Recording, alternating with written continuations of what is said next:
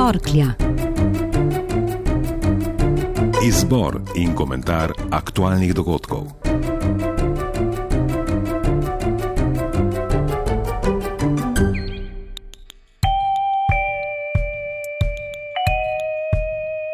Smrdi, smrdi, smrdi, kako smrdi. Zasmrdelo je v postojni, kjer je lokalni kmet sredi dneva obilno zlival gnojnico po travniku v bližini postojnske jame. Turisti, ki so prišli v našo najbolj obiskano turistično točko v državi, so tako naleteli na umazanijo in smrad. In vodstvu postojnske jame je prekipelo. To je zame nekaj najhujšega, kar pravzaprav lahko narediš na ravni vrednoti. Pa ne gre zgolj za škodo turizmu. Vsak drugi slovenec pije vodo iz kraških vodonosnikov. Kaj vse pije, pa je seveda pri tem ključno vprašanje. V krasu se akumulirajo stvari, v krasu prihaja tudi do interakcij med posameznimi komponentami onesnaževala in kamnino.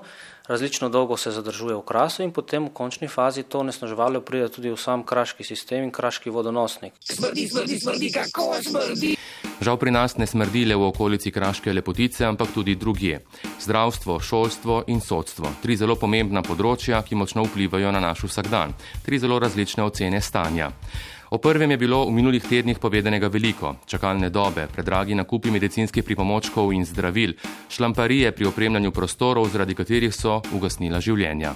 Mi v poročilu v dopolnitev kazenske ovadbe očitamo visoko eh, stopnjo verjetnosti, da sta poleg tega moškega, ki je predmet prve ovadbe, umrla še 63-letna ženska in 78-letni moški. Kdo v Šempetrskem urgentnem centru ni opravil svojega dela, kdo bi moral pred uporabo pregledati vse napeljave, kdo bo zdaj odgovarjal.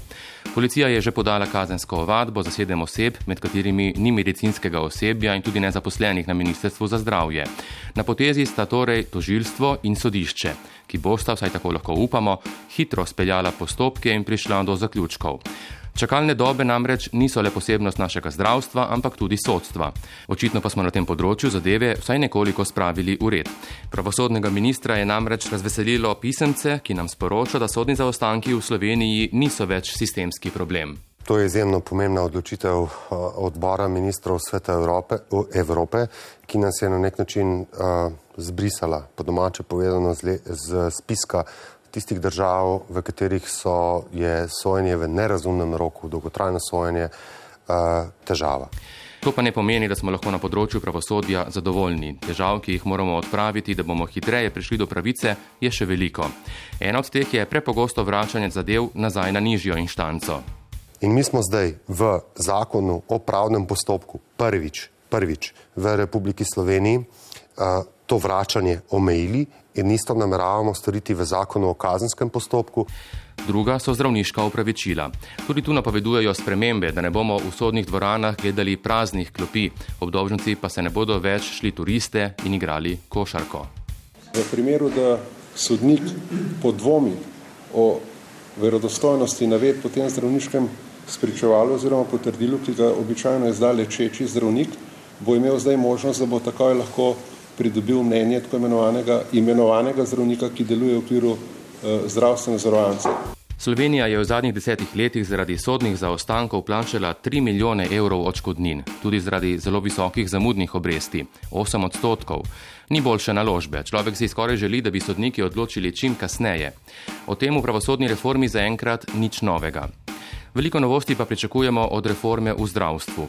Razmejitev med javnim in zasebnim, ukinitev prostovoljnega dopolnilnega zdravstvenega zavarovanja in posledično manj denarja v žepe zavarovalnic, prevetritev košarice pravic iz zdravstvenih storitev, urejeno področje podeljevanja koncesij, da ne bodo zdravniki od delodajalca zahtevali manjšo obremenitev, ker morajo popovdne biti na razpolago še pacijentom v zasebni ambulanti.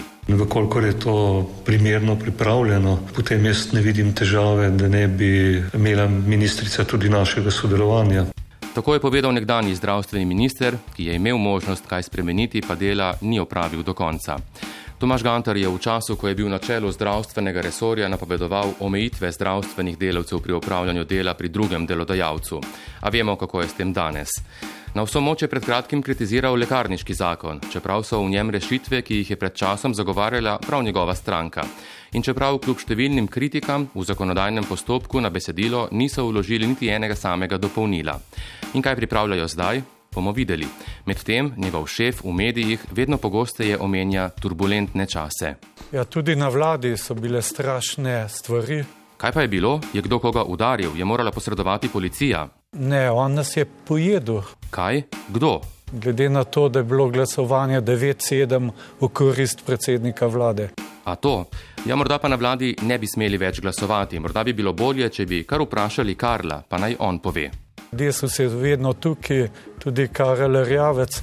Klic v sili torej in vedno na voljo, brez konkurence. Ma ne, pogledajte, vse poti vodijo v Desus. Edin srečo moš imeti, da prideš do tja. Očitno so Desus in druge stranke že v pripravljenosti. Vlada se vse čas smaje, a rušilnega potresa še ni bilo. Ga lahko zdaj povzročijo sindikati javnega sektorja?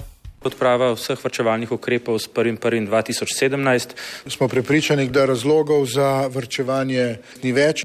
Jaz niti nisem presenečen, da so nezadovoljni. Konkretnega odgovora na to ta trenutek nimam. Ne vem, užitno samo stavka pomaga. Očitno so zdravniki odprli Pandorino skrinjico. Če nam oblast vse čas razlaga, da smo zvozili iz krize, da živimo bolje, naj se to pozna tudi v debelini denarnic. Zdravstveni delavci, strežnice, bolničari, pomočnice vzgojiteljic, upokojenci, v vrsti so še mnogi. A kolač, ki ga je zamesila vlada, ni dovolj velik za vse. Med temi stojine prihajajo pohvale, kar dve odmevni mednarodni raziskavi sta pokazali, da so naši šolari zelo uspešni v znanju matematike in naravoslovja ter bralne pismenosti. So nam te raziskave res dragocen uvid v to, kje smo, torej naše obladalo, na drugi strani pa seveda tudi kako naprej. Šolska ministrica ima torej še eno domačo nalogo. Žal smo namreč izvedeli tudi, da pri pouku naravoslovja učenci ne uživajo. In to se pozna tudi pri kasnejših upisih na srednje šole in fakultete. Le tretjina slovenskih študentov se namreč odloča za tehniške in naravoslovne študijske programe. Ravno ti poklici pa so na trgu dela najbolj iskani. Smrdi, smrdi, smrdi, kako smrdi! Ta konec tedna nas napadajo majhni prašni delci, ki so posledica kurjenja na drva. Zato vam svetujemo dolg sprehod v gozdu ali kje drugje v naravi. In če vas je kaj v tej oddaji ali sicer v življenju razjezilo, vam za konec ponujemo še na svet gospe Zalke iz Kopra, ki je praznovala 90 let. Dvakrat tedensko obiskuje telovadbo, plava, se udeležuje pohodov, peče potico in obožuje križanke. Kakšen je torej njen recept? Jaz vsakmo rečem ven, ven iz hiše. Če si potrd, pa če si žalosten, pojdi na velik hrib, pa daleč glej. In jaz marsikateri ženski rečem, kadar se je tako, pa rečem, pit gor na Markovec, pa pogledaj proti Benetka. da si razvrstiš pogled, ne.